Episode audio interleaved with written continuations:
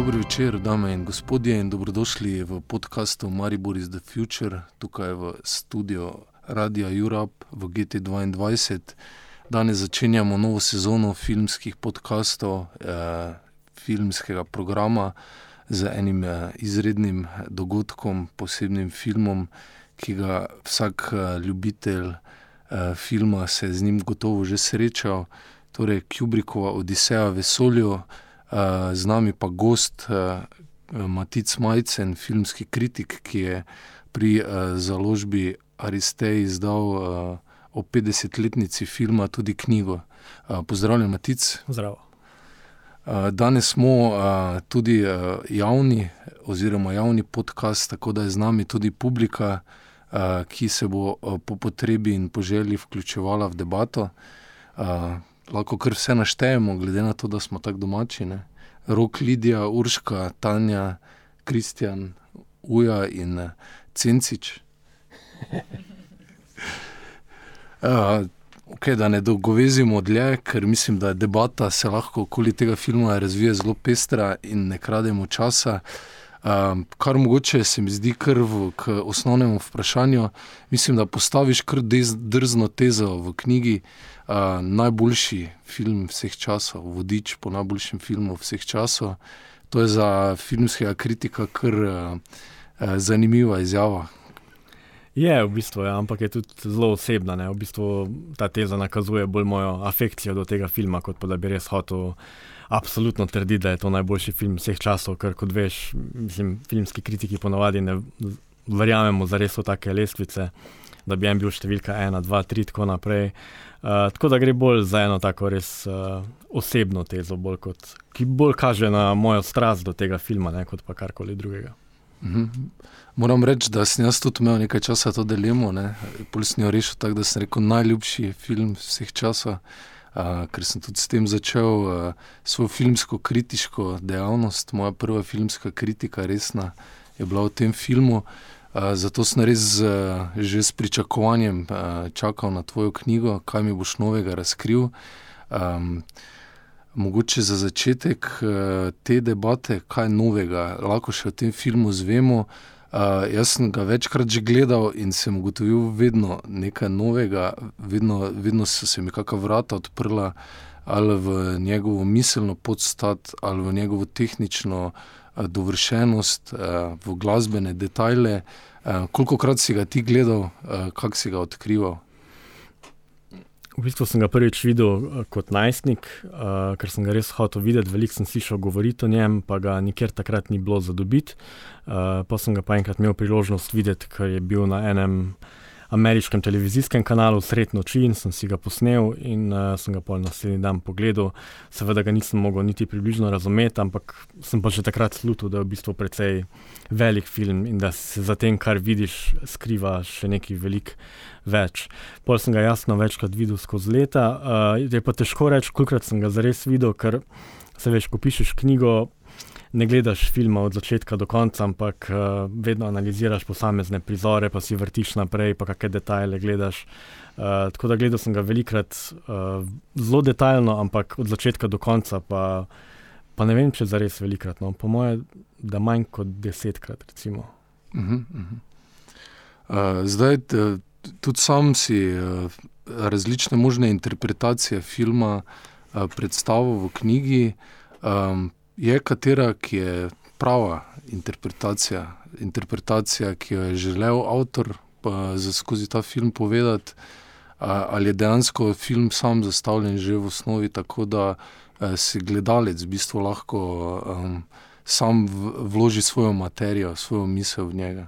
Definitivno je tako nastavljeno. Ker gre za film, ki temelji v veliki meri na simbolih. In simboli so že po definiciji uh, takšna vrsta družbenih pojavov, da si uh, tisti, ki jih gleda, interpretira, lahko zastavi svojo interpretacijo. Vseeno pa mislim, da glede na to, da je tukaj interpretacija tega filma, da obstaja določen razpon teh interpretacij, ki pa so bile mišljene kot. Recimo temu pravilne, ne, ali pa vsaj avtorsko namenjene, in glih s temi interpretacijami sem se želel ukvarjati v, v tej knjigi. Uh -huh, uh -huh. Spravi, natančneje povedano, nisem hotel zdaj teh raznih teorij zarote, pa uh, različnih satanističnih kultov in tako naprej, uh, ampak ta najožji filozofski okvir, recimo temu, pa, pa mislim, da je na mestu no, in da sta Clark in Kubrick to imela v mislih, ko sta, ko sta ustvarjala ta film. Uh -huh, uh -huh.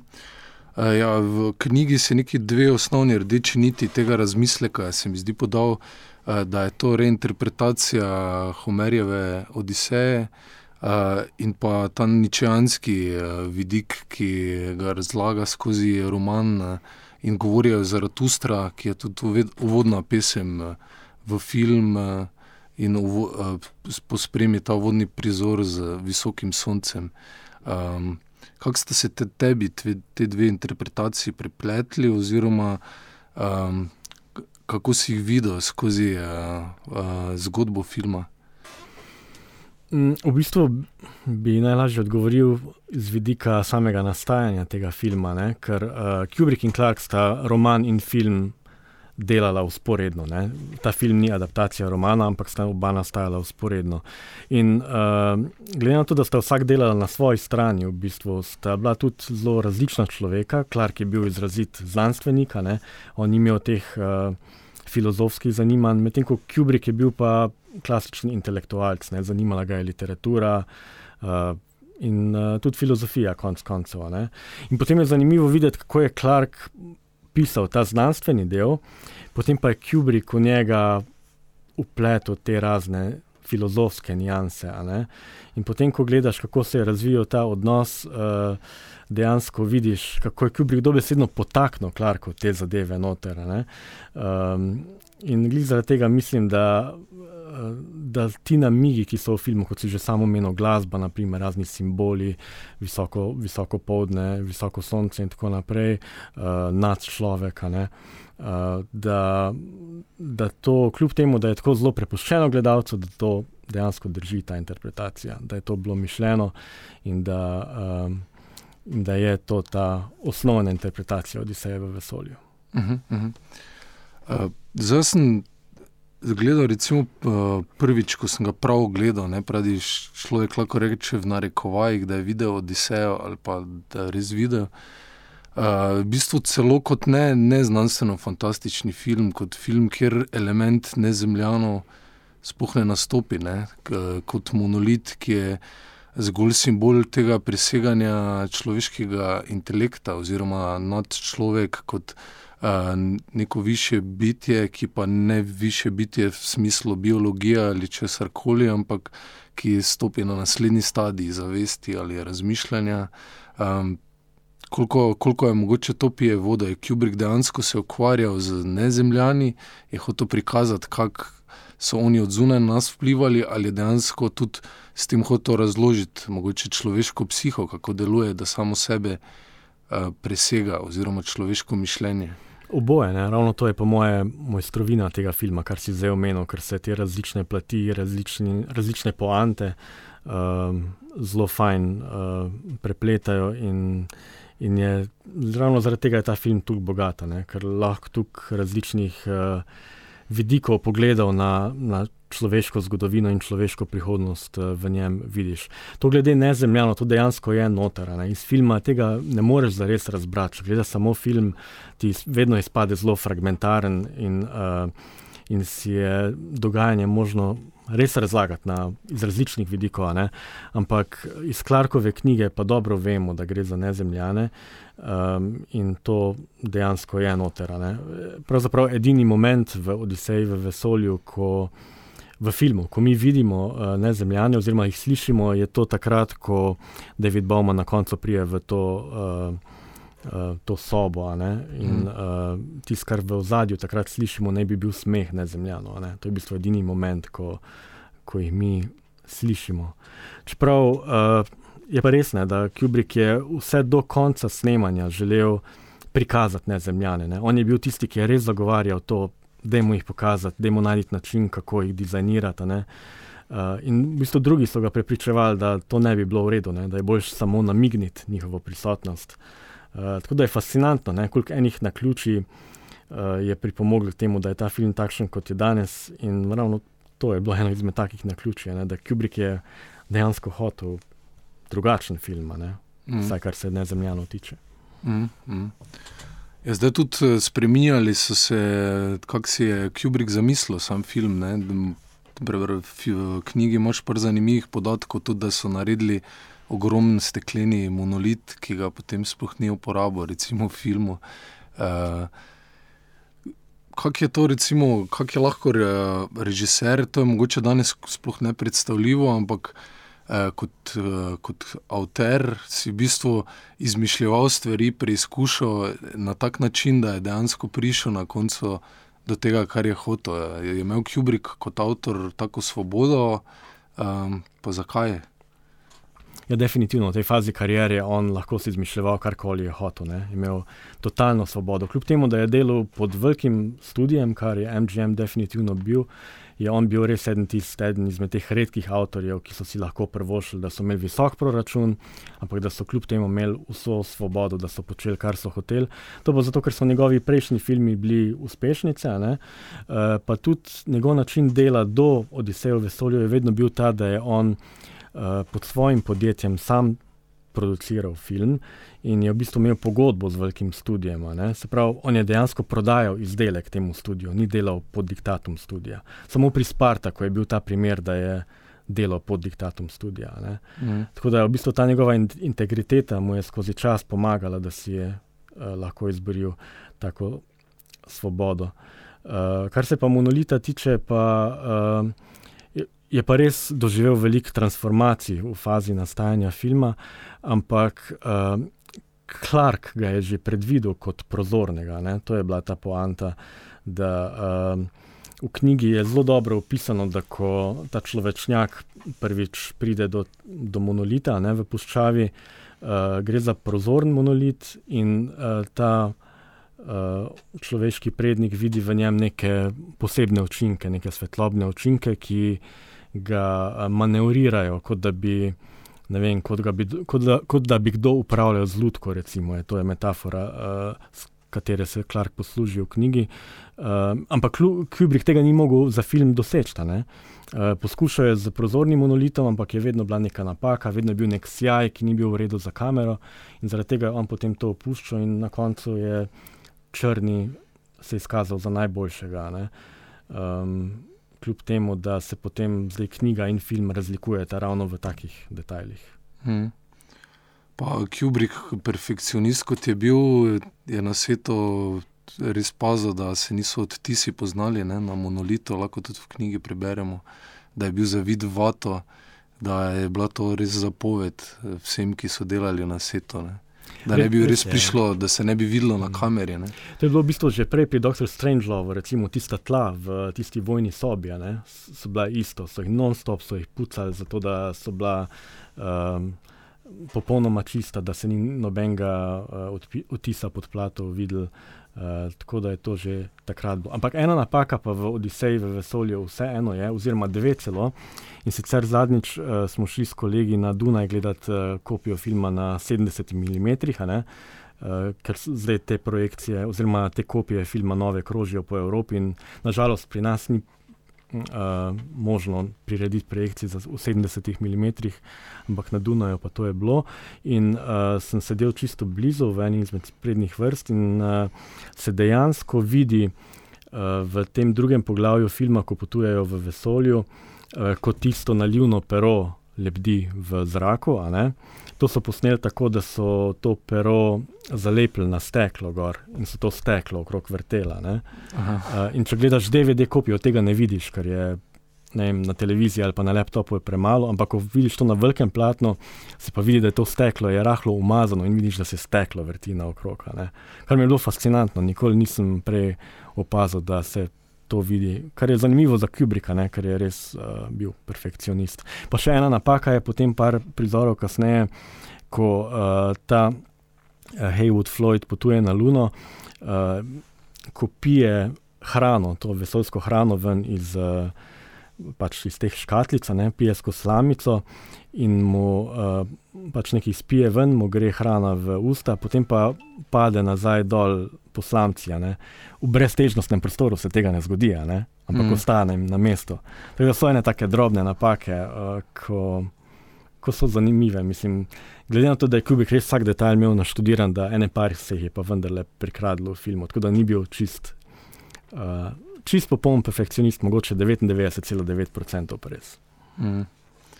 Ja, Zato ljudje imajo do tega filma, se mi zdi, kar odpor. Pa tudi jaz na začetku, predtem sem se ga resno lotil, uh, ker rabiš, kako bi rekli, poštajersko prav zid sleder, ne, da si ga pogledaš do konca, da, da te posrka vase. Um, kako bi ti gledalcu pripričal, da si ga res pogleda? Kaj misliš, da je presodno? Mm, jaz bi predvsem rekel, da iz istega argumenta, kot uh, greš gledati, uh, ne vem, uh, Rembrandta v nek velik evropski muzej ne, ali pa kakšno drugo veliko slikarsko delo ali pa kako veliko gledališko predstavo. Uh, gre za veliko delo umetnosti ne, in po mojem moramo negovati uh, to kulturo, da, da tudi naslednje generacije se seznanjajo z velikimi umetniškimi deli iz uh, nedavne človeške zgodovine.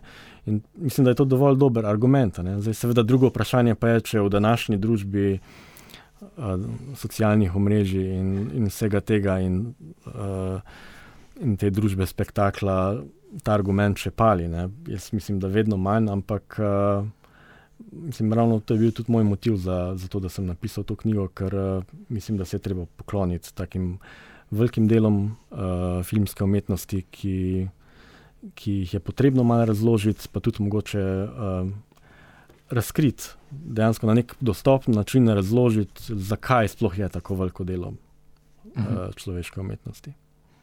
Pa mogoče s tem tudi zgubi film, eh, lahko malo čar, če tega nekdo razloži, je to ena zanka.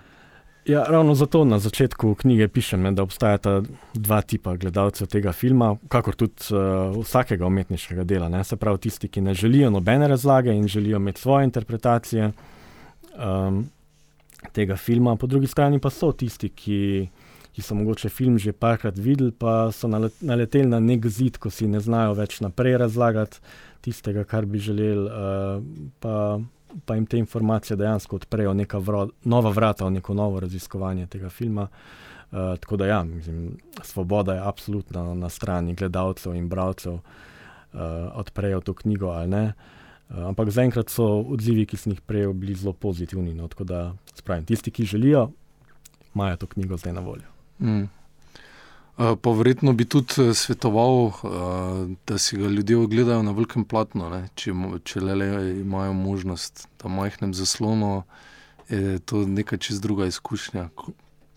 Definitivno, ja. čeprav teh možnosti je zelo malo. Ne? Zdaj ta projekcija, ki je bila v Ljubljani avgusta na kongresnem trgu, je bila ena res, res lepa priložnost. Kljub temu, da so vrteli digitalno različico filma, ne, ne iz filmskega traku. Mislim, da, čeprav meni ni bilo tam, mislim, da je bila zelo lepa projekcija. Um, naslednja priložnost pa, pa ne vem, kdaj bo. Ne? Ker pri tem filmu so ene omejitve, te kopije so zelo drage, uh, ne moreš jo kar tako vrteti v kino, po legalni poti, seveda. Uh -huh. uh, tako da mislim, da večina gledalcev bo še vedno obsojena na to, da bojo mogli prek Blu-raya ogledati. Pa mogoče veš, kako so jo dobili v Ljubljani, da še v Maribor pripeljemo. ja, kot pravim, uh, kot sem že prej rekel. Uh, To so te kopije, ki so nastale letos o 50. obletnici in jih je naredil Kristofer Nolan. On je delal Dunkirk uh, pred, pred tremi leti, ali kdaj je to bilo. In uh, je da, Dunkirk posnel na filmski trak, na 70 mm, ker je želel pač snemati na filmski trak.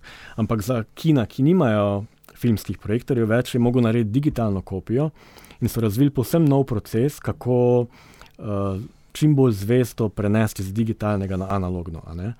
Potem je studio Warner, pod katerim je delo, je prišel do njega in so rekli: Poglej, zdaj bo 50. obletnica Odiseja v vesolju, da ti ta isti princip uporabi še na Odiseji v vesolju. In so najprej restaurirali filmski trak na ta način, da so čim bolj ohranili uh, to verzijo, kakršna je bila, kot so jo gledalci videli leta 68 na prvih projekcijah. To je res 70 mm, vse analogno, popolnoma brez digitalnih umestnikov, potem pa so to prenesli čim bolj zvesto, torej na digitalno kopijo. In ta kopija, ta nova kopija je bila zdaj v Ljubljani digitalna, uh mhm. -huh. na Dunaju pač analogna. Um, tako da mislim, da je zdaj ta turneja po vsem svetu, oziroma po Evropi, potem pa ne vem, če bo to možno kar tako dobiti Uh, tako da mislim, da je en ta vlak že, že šel mimo malo. No. Se bomo potrudili, no? upamo, da, da vseeno. Sem pa definitivno prepričan, da so precej veliki stroški za to, da, da lahko vrtiš to kopijo. Okay. Zameni si, zameni si glih pomiril, sem že ja. planiral za letni kino minoriti naslednje ja. leto. Ne? Ne, je super ideja ne? in definitivno se splača pozanimati. Uh, ampak, uh, kolikor poznam to Kubrikovo ozadje, njegovo družino, pa to, kako verujejo svojo zapuščino, ne, uh, so še vedno to zelo ekskluzivne zadeve. Ne. Definitivno nimajo te strategije, da jim prikazati v čim več kinih, kot bo šlo, ne, ampak je tisto ja, točno, kje boš kazal, pod kakimi pogoji, ne, kar je bila Kubrikova ideologija, ne, da točno je preveril, a se vrti na dovolj velikem tehničnem nivoju, uh, da bo projekcija res kvalitetna. Uh, tako da, mislim, definitivno se je za pozanimati. Je pa verjetno razlog, zakaj je bila samo ena projekcija v Sloveniji, pa nikjer ne, pa nikjer, na nobenem drugem mestu. Mm, mm. Zdaj, tudi v intervjuju za večer si rekel, katera zgodba je sploh lahko večja. Ne? film, ki se od uh, začetka evolucije do naslednjega stadija evolucije, ali kako bi lahko rekli, uh, človeštva, razgiba v dveh urah in nekaj. Um, kaj meniš, kako kak, uh, kak ima to uspelo spraviti v dve uri filma? Ja. Koliko je bilo to razmisleka, materijala? Um, pre, prečrtavanja, zgodbe, Naj, spreminjanja. Ja. ja, ko sem pisal knjigo, mi je najbolj zanimivo bilo brati uh, te zavržene osnutke ne, po glavi, ki jih je Clark napisal, pa jih je Kubrick potem zavrnil. Ne, ker, uh, uh, ker ti pokažejo, katere stran poti bi lahko šel film. Uh, recimo, Clark je že zelo, uh, v eni fazi zelo jasno opisal, kako ti vesoljci izgledajo, in pravzaprav vemo, ne, v skladu z njegovimi opisi, kako bi ta film potem izgledal. Um, ampak ja, bilo je res uh, ogromno tega dela. Kako je pa njima to uspelo? Ja, ambicija. Ne? Mislim, da je že na začetku ambicija, da imamo posnet res velik film in to v vseh pomenih, produkcijsko, filozofsko, uh, film, kakršnega še ni bilo. Ker moramo vedeti, da v tistem času je pojem znanstvene fantastike le bil ne vem, nek B-film, že skoraj, veš, tisti na meji Ed Wooda, ne, da mm. neki kostumi, pa, uh, pa neke pošasti, pa si upal, da, da bo dosti dobro izgledal, da se bodo gledalci prestrašili. Ona dva sta pa res prvič rekla, da mu posnet nekaj, kar bo bolj dokumentarca, ne, nekaj, kar, kar ne bo tukaj žanrska zabava, ampak uh, res filozofsko delo no, v polju filma. Mm. Ja, za ta film je tudi imel ogromno odmev še naprej, se mi zdi, da v vseh uh, znanstveno-fantastičnih filmih, uh, ki so kasneje tudi postavljali standarde, odpirali vprašanja, nekako odmeva Kubrickova Odiseja, ali se to samo meni dogaja. Definitivno odmeva. Ja. Čeprav se pa bojim, da bolj odmeva naslov tega filma, kot pa da bi ljudje dejansko gledali ta film še vedno ali pa da bi se ukvarjali z njim. Mislim, vsi poznajo, vsak ti bo rekel, da ja, je Odiseja v vesolju. Ampak mislim, koliko ljudi pa zares vsaj približno ve, no, kaj je dost o, o tem filmu. Jaz mislim, da ne. ne. Mm. Jaz mislim, da uh, mogoče ga je veliko ljudi res enkrat videl, pa so ga nekako arhivirali v svojem umu, ampak. Uh, Jaz še vedno mislim, da kljub temu statusu je to še vedno en tak neodkrit dragulj, iz katerega se lahko danes ogromno naučimo. No? Uh, ogromno, predvsem v tem smislu, kako bogata je lahko filmska pripoved. Mm. Danes gledamo različne vrste art filmov, ne, pa vsi imajo neko pretenzijo biti uh, velika dela, pa neka umetnost. Ampak uh, zato si upam trditi, da je ta film eden najboljših vseh časov, če ne, če ne celo najboljši, ker, uh, ker res upraviči uh, ta renome umetniškega dela. Mm. Ker je res na vseh nivojih dovršen ne prepušča nič na ključu. Ne. Ko ti gledaš ta film, ti res gledaš zelo fragmentiran, pa moraš povezati te kose pripovedi, ampak vsak detalj je domišljen, ni nič prepuščeno na ključu ali pa negotovosti. Hmm. Kaj pa filmari, filmari, mislim, da ga tudi dosti gledajo. Zdaj, če gledamo, ne vem, ta vprašanja, ki jih je sta jih Kubrick in Clark odprla skozi en film, se mi zdi, kot da se v že dobrih uh, znanstveno-fantastičnih filmih odpirajo oni samo en segment. Ali pač recimo Blade Runner imaš ta odnos uh, do tehnologije ne? in uh, recimo imaš uh, fizično. Uh, Replikante, ki so fizično zelo podobni človeku, pa ugotoviš, da so drugačni po miselnosti. Tam imaš v bistvu obratno pri Kubriku računalnik, ki razmišlja kot človek ne? in da v bistvu tudi naredi na koncu človeško, zelo človeško napako, da se zgodba lahko zlomi. Pol pa nadaljujemo, lahko ne vem, na zadnje Arrival, recimo je mene. Ful spominjal na Odisejo, ne? recimo nek prehod, pa te jajčaste ladje, kot da so monoliti. Uh, potem imaš, ne vem, uh, Annihilation, recimo. Uh, kot da je res tak, ta zgodba, kot da jaz vsakič rečem, ok, všeč mi je ta znanstveno-fantastični film, ampak hoče razlagati to, kar mi je Kubrick že razložil na nek način. No. Mislim, ne, ne, težko bi rekel za Blade Runner, to, ampak za vse ostale pa brez izjeme. V bistvu nimam znanstveno-fantastičnega filma, kjer ne bi rekel, da sem to že videl pri Kubricku. Gledaš ti tudi tako? Definitivno, res je en velik precedens še danes. Tudi, uh, ko sam pišem filmske kritike, opažam, koliko omenim ta film. Mislim, ne samo zato, ker sem knjigo napisal o njem, ampak ker, uh, ker vidiš te elemente noter, kot si uh, sam omenil. Ali pa recimo film, kakršen je Kači objem, ne, s katerim si se tudi ukvarjal. Od uh, Sira Guerre, ko imaš to zadnjo psihedelično sekvenco, to je dobesedno vzeto iz Odiseja v vesolju. Mm.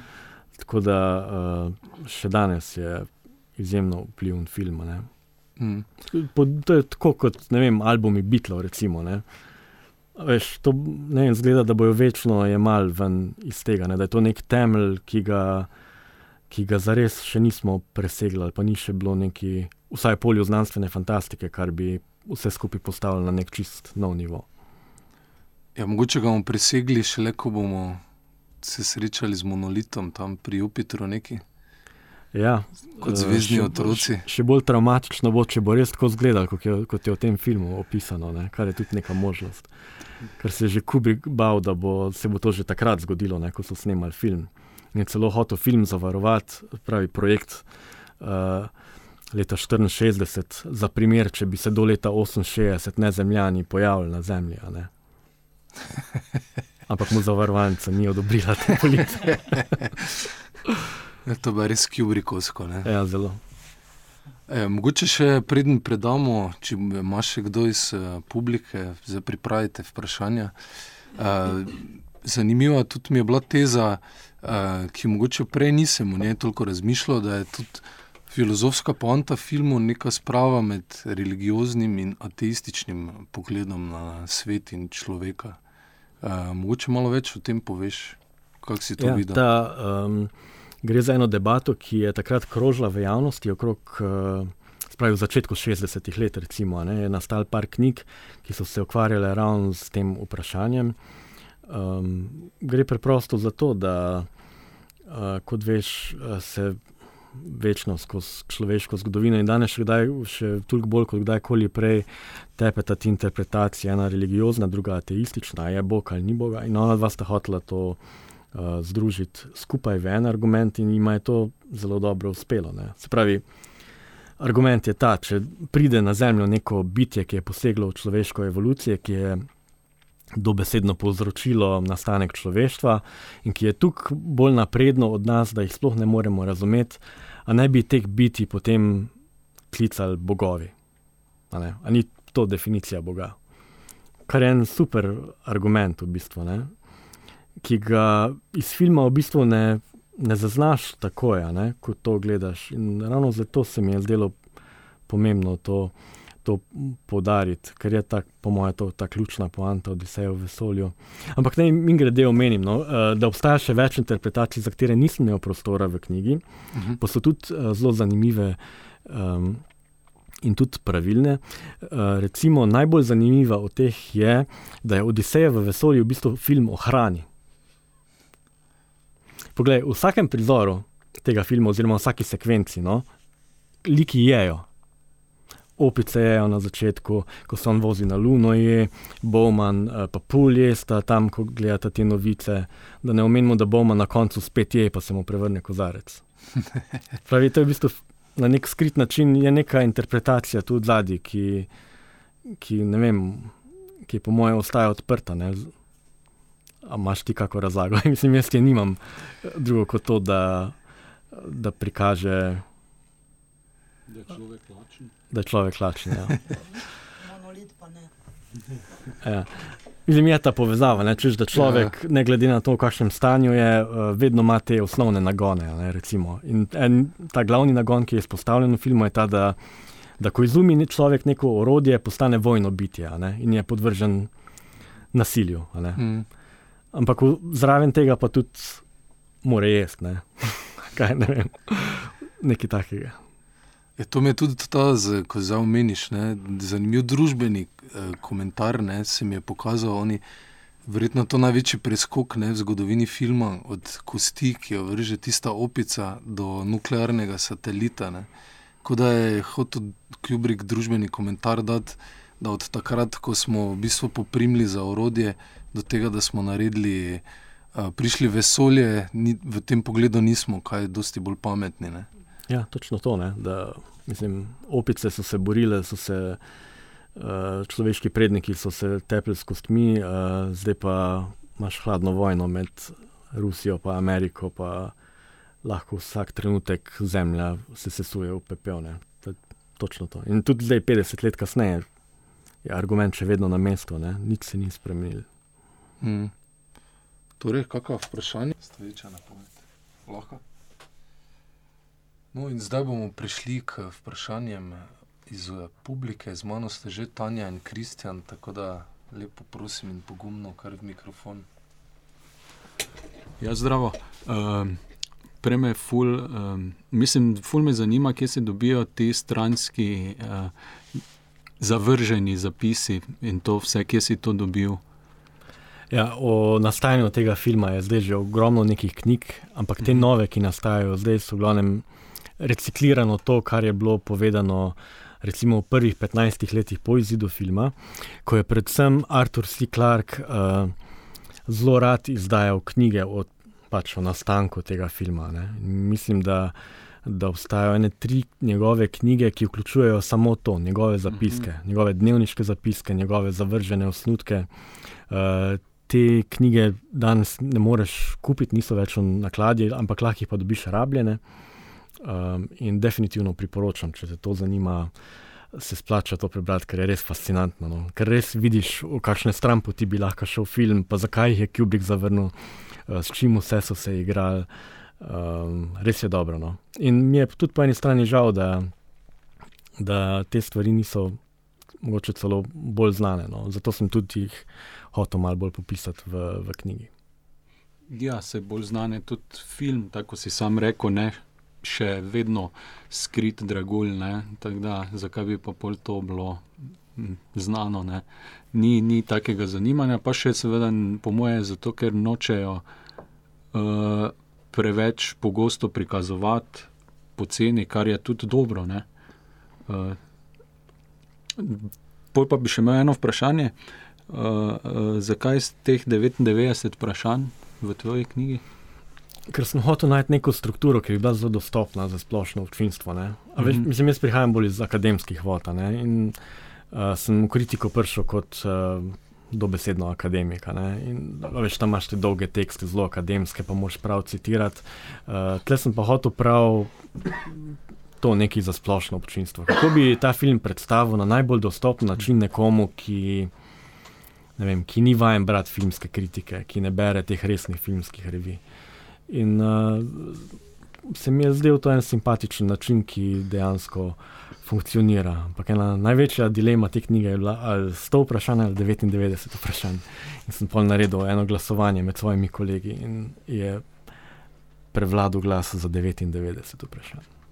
Mhm, super, zanimivo. Ja, ja fajn, fajn vprašanja so, meni so bila všeč. Mislim, kot vprašanja, odgovori pa tako ali tako.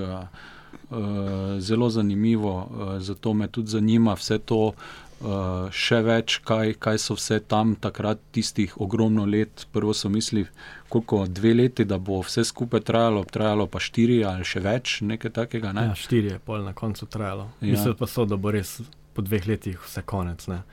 Po mojem je Kubrick že od začetka vedel, da, da ni šansa. Ne. Ampak je verjetno Clark to povedal, ne. če šle tole boš naredil, pa boš konc. Ne. Mm. Po mojem pa še le postopoma. Če veš, tole moramo pa še nekaj dopolniti. Ne? Ja, Uh, ja. Je pol pač to dve leti trajalo. ne. Tako da, Mhm, po mojem, mhm. Kubrick to imel v rokavu noter že, že od začetka. No. Mm. Možno, ja, bi znalo biti. Tako da super, hvala. Uh, Zaenkrat se ne spomnim več vprašanja, ampak super, pravim, da ta knjiga je zelo. Um, Uh, zelo lepo napisana, da še odpre več vprašanj, bi jaz rekel. ne. Tako da ni, ni to ne, razlaga o Odiseji, na nek način mogoče je, ampak se še pa vseeno odpre ogromno, ker je dosti več za tem, kot pa samo teh koliko 150 strani. Definitivno. Ja.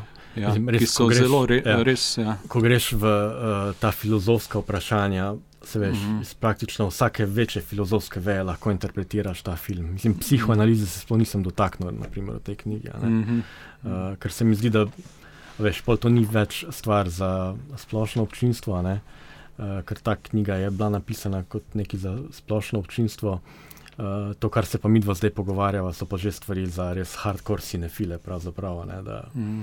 v bistvu sem odkril, da nas je samo peščica teh ljudi, kakršni smo zdaj v tej sobi, ne, da, da smo vem, se pripravljeni o tem filmu pogovarjati na tak poglobljen način. No. Mhm. Dejansko filmi danes nimajo več tega, sta, tega statusa, da bi Mhm. jim ljudje dali uh, priložnost uh, se tukaj poglobiti v njih. No. Kar je malo žalostno, ampak po mojem tako pač je. Ja. Hvala. Hvala tebi. Okay. Zdravo, Matic. Jaz bi imela eno široko vprašanje. In sicer, kljub temu, da sem eh, fanica science fictiona, uh, se mi je zelo vtisnilo v spomin tekom podcasta, ko ste se z Žigom pogovarjala. Ena tvoja uh, izjava, in bi se malo uh, mogoče poglobila vanjo, ko si primerjal ta film z Rembrandtom. Uh, ko si ga opisal kot precedens uh, filmske umetnosti in si dal tudi primerjavo z, z Beatli. Ne? Zdaj, jaz sem velika konzumentka vseh veja umetnosti. In bi te zdaj vprašala, kaj ti misliš, um, kaj je to pri uh, navadnih ljudeh, zakaj se na nekat, kaj je tisto, kar v nekaterih ljudeh sproži ta, uh, odkot izvlečejo to neko posebno neko zadevo in postanejo precedens na določenih umetniških področjih. Kaj sta uh, Clark in Kubrick, um, odkot sta zvlekla to? Z Marsa, z Jupitra. Ja, oba sta bila genija na Genija svojem področju. okej. Ampak ključno je to, po mojem, da ni, to, um, da ni odziv, odziv občinstva tu ključen, da nekaj postane precedens, ampak to, koliko uh, drugih umetnikov črpa iz tega vena. ne. Okay. Um, in mislim, za Beatle je to, po mojem, možno trditi, za Rembrandta, Picassa, karkoli, za Da, Vinčija je to tudi definitivno možno. In mislim, da je bilo v primeru tega filma uh, točno tako. Blasta pa, mislim, tudi to je bilo, po mojem, da sta Kubrick in Clark bila takrat na vrhuncu svoje ustvarjalnosti. In sta bila res pripravljena ustvariti to svoje veliko delo, glih sta dozorela kot avtorja, imela sta ogromno sredstev na voljo, tako da se je veliko stvari poklopilo in trenutek je pač bil pravi. Tudi čist iz uh, finančnega vidika, ne? če gledaš proračune Kubrickovih filmov, ne? do Odiseje v vesolju je šlo skozi tako, vedno više, ne? vedno se je potenciralo, vedno višji proračuni in tle je res končno lahko delo, kar je hotel. Uh, potem, kasneje, pa nikoli več tega nivoja ni dosegel. ne. Hotel je narediti še en večji film, film o Napoleonu, pa mu je padlo v vodo in pol peklenska pomaranča, Barry Lyndon je pa že šlo dol. Tako da, a veš, je res bil tisti vrhunec, tako intelektualno, umetniško, produkcijsko, na vseh nivojih. Pa tudi Se- trenutek, ne, ne. Trenut, se pravi, na ključa neka so zložila to. Uh, uh, Ja, eh, planeti se poravnajo. se ne. poravnajo. Ne? Tudi to, da je bilo potem, da seveda leta 64, ko sta začela delati, nikoli nista mislila, da bo leta 68 revolucionarno leto, ne?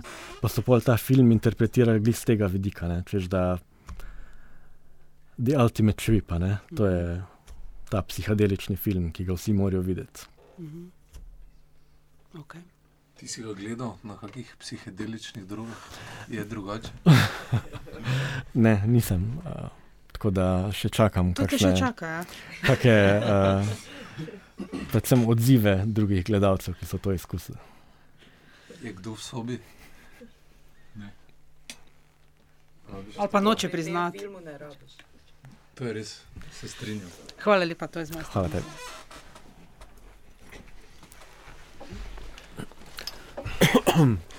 Ja, moje vprašanje pa je naslednje.